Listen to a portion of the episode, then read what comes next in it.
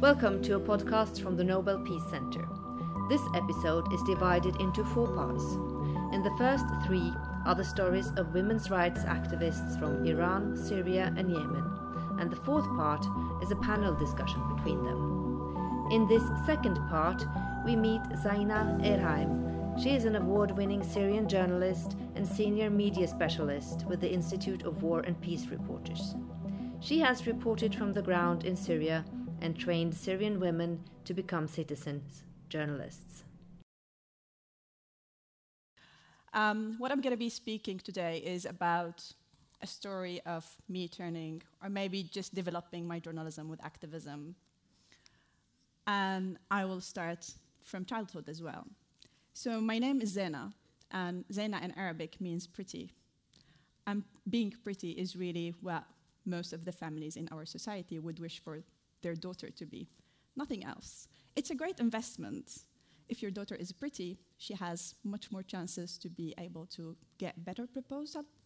So married to a rich man, be a, a good housewife where everything comes to her. Sadly, or maybe luckily, my family didn't have that. I was raised in a very conservative town. I think many of you who follow Syrian news know it. It's named Idlib. The public spaces in my town were very much limited. The only two activities that I could do in my youth were karate and volunteering in the Red Crescent because my brother was in those two. And I think this picture really represents my childhood and my youth. Like it was a very much masculine spaces. Everything is so masculine. And that woman on the right, she wasn't from my hometown. She was visiting. Um, what does that mean? Well, for me, my early battles started as a girl and then as a teenager in a patriotic, in many cases, misogynist um, community and society. For maybe not for not wearing a headscarf. I had the first actual battle when I was 15, and I was told by some of my family members that I must wear the headscarf as all the women and the girls in my hometown. For some reason that really now I cannot tell why, I didn't, and I resisted. And I paid the price for that. And until very recently, I thought that I got all this harassment, which is not just sexual, they were actually touching my body in the street because I'm not wearing a veil and I'm paying the price for that. Not all of it was really bad. Some women would just reach me in the street and saying, "You have a very beautiful hair. Why would you want it to be burning in hell? Just cover your head." So that was my, uh, my first battle. I even remember the first hug I've ever had. It was, um, I think, 2 p.m., and I was going to my Arabic class when a boy from the neighborhood just ran toward me and hugged me in front of my classmates. And my teacher was standing on that corner waiting for us to come. I felt really ashamed. I felt like I did something wrong, and they all witnessed my shame at that moment the last thing I, I did was deciding to study journalism, and I mean I did to my society and community and even family. I was the first woman in my province to start to decide to study journalism. Journalism is for men, and it really corrupt the honor of the girls. Um, I do remember two of my aunts were actually sitting next to me saying, like, you know, if you decide to go to Damascus, which is far from here, and study journalism, no man from our province would agree to marry you. You're going to be spinster. Um, well, I disappointed them a bit. I got married twice until now. I will be moving forward to the uprising, 2011. The uprising for me was the time where I actually gained my space in the streets back. In my hometown, in the same hometown where I got the first hug, where I got rubbed and I needed a boy to, to walk around with me, although he is like 10 years younger, just to have a male on my side. I was walking in the streets with more than 3,000 men on my own chanting. N- none of them even dare to speak with me. Well, those who are overprotective came and say, like, dear sister, just go to, this, to the street side. We don't want you to get arrested or harassed or whatever. Um, and then I was shouting, like, this is my right. I am here as you are. I have the same bravery that you have, so let me alone.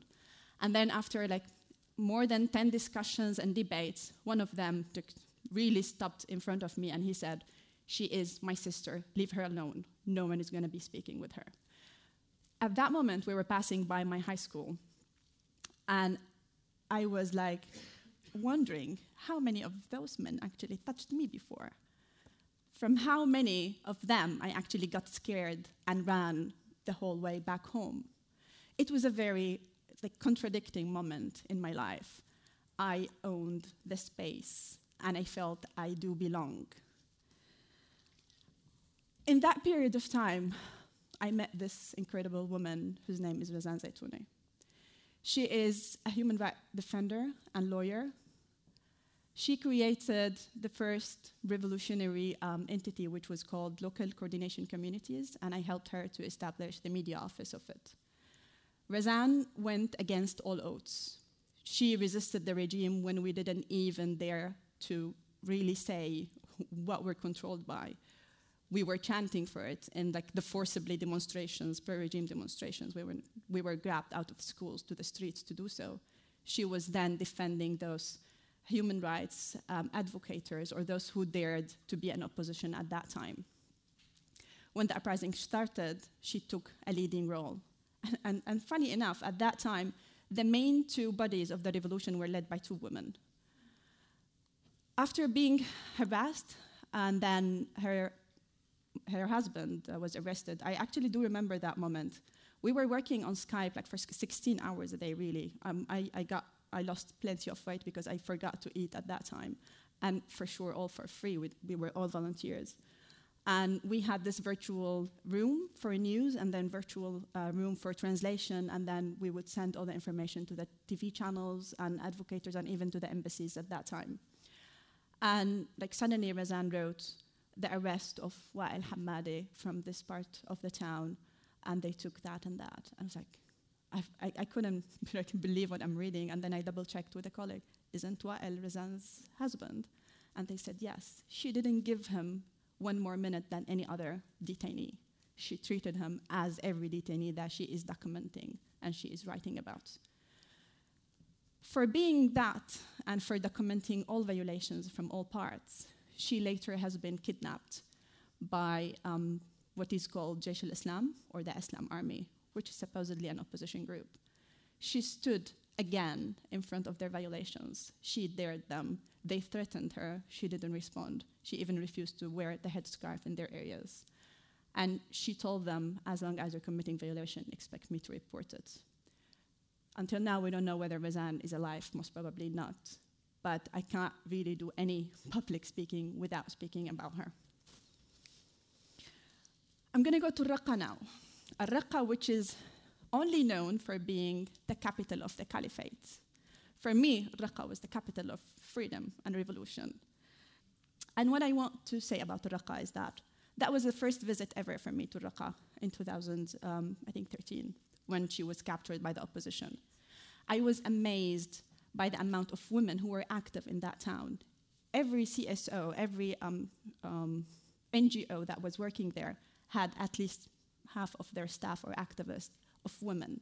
They even established a feminist group who were active in that period of time. More than 30 publications were being distributed in it. And this is like within two months of being captured by the opposition. Um, the last visit I did to Raqqa, it was December 2013, before it completely fell into ISIS. But ISIS were there in 2000, um, in, in December 2013.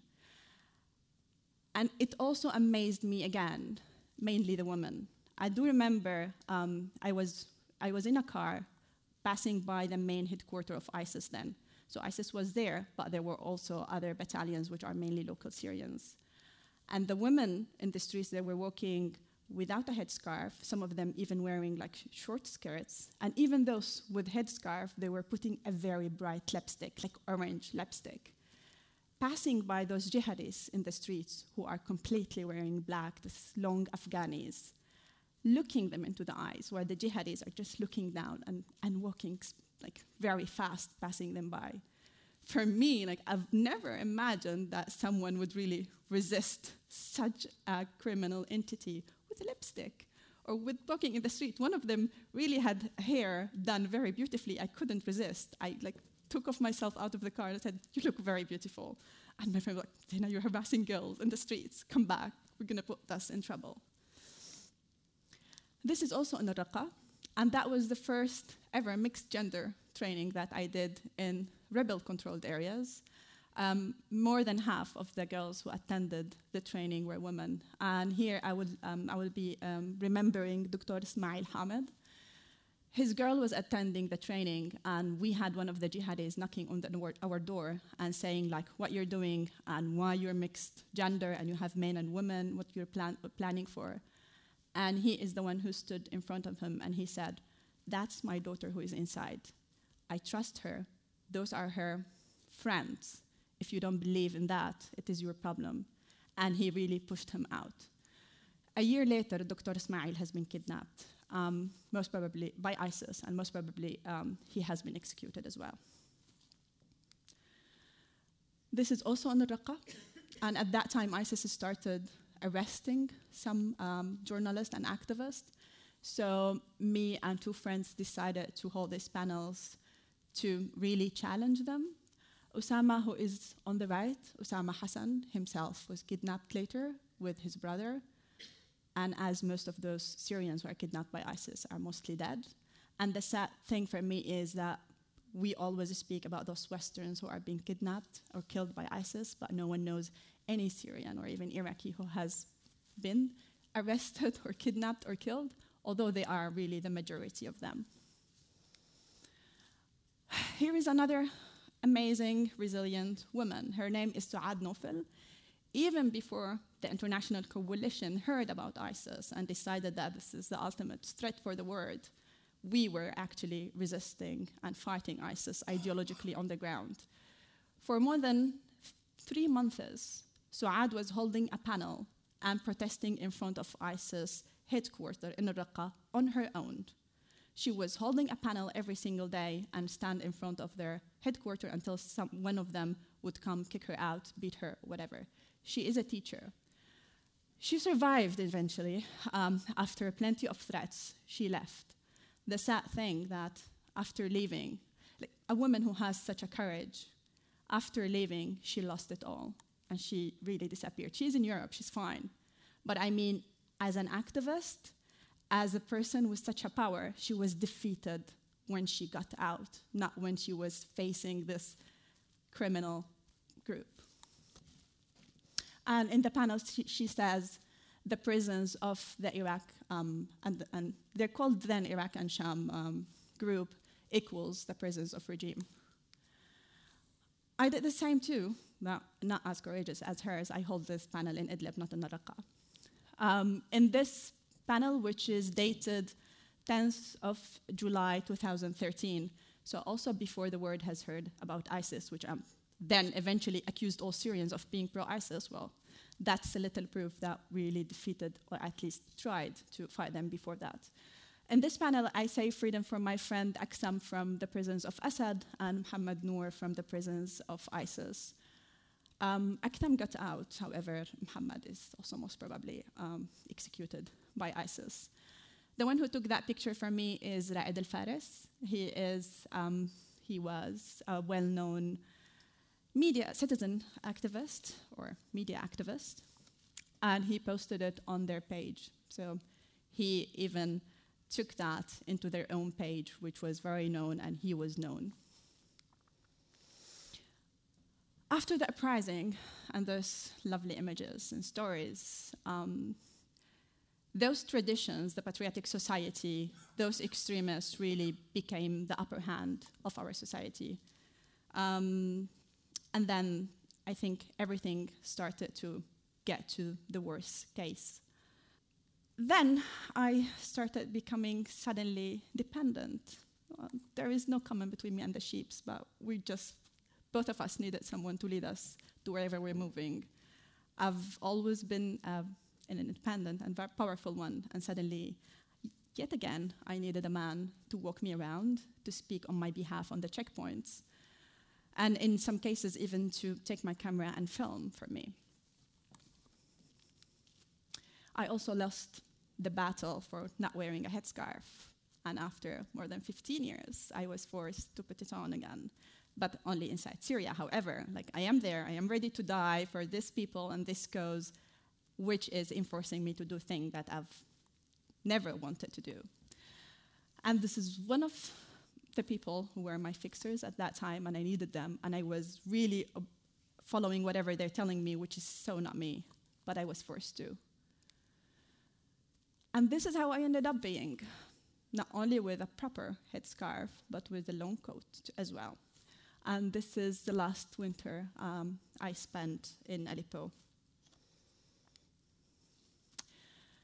The main challenges, which I think my main trauma is not really about being barrel bombed, is not knowing the differences between the Sukhoi and M16, all these kind of uh, different machine guns. My main trauma as a journalist is for suppressing myself and applying these different layers of censorship on everything that I do or post. At some point, I, start, I stopped writing anything, even my Facebook posts. I start asking some friends to review them before posting them because every single word that I say has consequences, and this consequences is not only on me, if I don't wear a headscarf, my garden is going to be punished, not me. So it was like a huge amount of pressure. Um, if I wrote something against one group, as simple as it is, someone might get bothered and shoot me in the street. No one would even question them. It is complete chaotic, and there is no any kind of justice. So for me, from turning in, from a journalist who is fighting for freedom of expression, defending that, into someone who suppressed herself was one of the main traumas that I had, and I'm still overcoming until now. The second thing as a woman is being turned into this very power, into this very weak and powerless, uh, dependent person. Not to be able to buy my own grocery on my own, uh, to be able to stay home on my own. Nothing. I always needed someone on my mind, and that someone needs to be man. Um, on all the checkpoints that I passed, um, I, I don't have that much families left inside Syria, so I had really to create ones. For some reason, the previous French president decided to say my full name in his speech about the Je suis Charlie incident without even checking with me. And my ex partner was taken into Sharia court with the Hollande speech and with this picture, and he was the one who has been put on the Sharia trial because his wife has decided to commit a blasphemy and support those who are drawing those things about the Prophet Muhammad. So deciding to stand up in these circumstances and then feeling that the world is falling apart and even those who are living very far away causing even much more trouble. What I had in like return from that, like nothing. Um, whenever I apply for visa, I still get I actually the, the first visa I got to Oslo to, to Norway, it was for five days. Five days visa to Oslo. So how the West really respect those who are trying to defend the freedom of expression with their lives, that would give you an example. Eventually, that led me to leave the rebel hot Syrias, and I have never went back afterwards. This picture, um, this is a woman on a motorbike and she is the first woman ever I've seen driving a motorbike in Idlib province. And it was, it was war. She, she was completely covered. But for me, that was like an amazing thing to see. And I put her picture to tell you about the extra struggle, the outside struggles. So after doing um, this Charlie stand, um, I thought that at least I, I, have a proof now that I am not terrorist. You can really deal with me as not pro ISIS or potential terrorist. However, at that year, um, I was traveling to receive Index on Censorship Award in Britain when the Home Office decided to confiscate my passport because Assad regime reported it stolen. Well, they have my like stamp, they have my face, they have my name, birth, date of birth, and I actually studied my master's degree on the taxpayers' money because I got a scholarship. That's all was not enough because Assad says, I am a stolen, I am a theft, I stole my own passports. That incident led for me to eventually become a refugee in the UK. So at some point, you have a proof that all the world is really against you because you are taking that position to stand against all odds. Uh, surely I'm f- I can't travel to the US because there is a ban against me because I was born in Syria as well. So, what keeps me out? What keeps me going? One of the main things is the support. This picture is in Idlib province, and that's Raed, who I told you about, who took the picture of me with a poster. Um, my friend then forced me to wear the headscarf in Idlib town, and when Raed saw me, he says, "Why you're putting it on? I know you don't put headscarf." And I said, "Well, he forced me to because he is going to be dealing with the consequences." And then Raed said, "As long as I am here, you be as you are, and no one is going to be enforcing anything on you. And this is like the main square of that town. So I took it off, and we took that picture. Raed was assassinated. Come on, I'm not crying. Two months ago, in the same town, actually very close to that point. Those people who stand with us, those people who are feminist by action, not by saying, are the ones who are targeted by all parts. Raed established a local radio called the Fresh Radio, and he hired more than 50 w- local women to work in that radio. He asked me to train them. And then the Al Qaeda affiliated group Al Nusra decided that women's voices are haram and they shouldn't be on the radio. He kept the women and he really manipulated their voices and made them masculine with the editing auditions. And they kept working for that radio and they kept making living out of working as journalism. After his death, you can imagine what happened to those women. This is another picture from my ex-partner. After the Charlie incident, well, poor him. He had to be a free of charge, full-time fixer, driver, campaigner. You, you can imagine all that. After Charlie incident, I was so frustrated because many of those who were supposedly on my side, who are opposing the regime, started opposing me because I don't agree with their ideas. And by opposing, I don't mean like just disagreeing. Opposing mean don't mind me being killed or report me to be killed. At that point, I was so angry, frustrated, and only two or three people in Aleppo really took my side and stood with me. So he decided to bring all these balloons, and he wrote on them all of those groups who were threatening me, attacking me. And on one of them says Hababin, which are the good people who are standing by, by me. And I just kicked the hell out of those balloons and then just explode them. So that's very simple gesture would tell you how frustrated I am and how essential this little support that we can get at those times can make a difference. Where to go on? That's my little Zara. She's three years old, and she was participating in an official event with me in this picture. So, one of the reasons that I am going on is that I want her, when she's going to be watching this video at some point, to be very much shocked and thinks that I'm really just entertaining you by telling you those stories because she wouldn't really understand why I was being harassed in the streets why did I have to be threatened or killed for saying what I want to say? And as a person who got through all that and survived in some way, I know how it is for those little girls who are still inside and for their mothers and all of those women who are still trying or still going through all this stuff while we're speaking now. What you can do. This picture is taken in Deir Zor, in my last visit there. Those are girls going to school.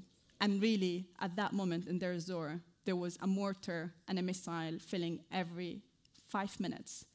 In half an hour before I get out of bed, I counted 26 ones. And those girls were, were on their way going to schools. What you can do? I think taking their back whenever someone is trying to attack or stab them in the back, take their sides. This event is named Women Voices Changing the Middle East. give them speakers, give the speakers on, shout loud.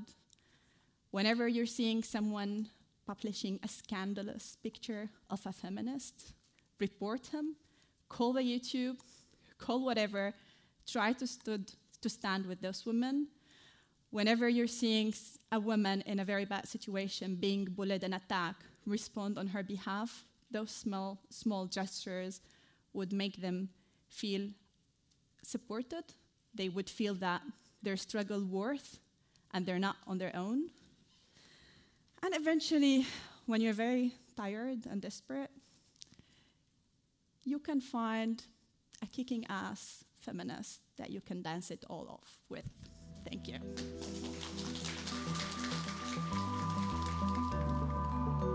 This was a podcast by the Nobel Peace Center, made in cooperation with Oslo Women's Rights Initiative and Civita.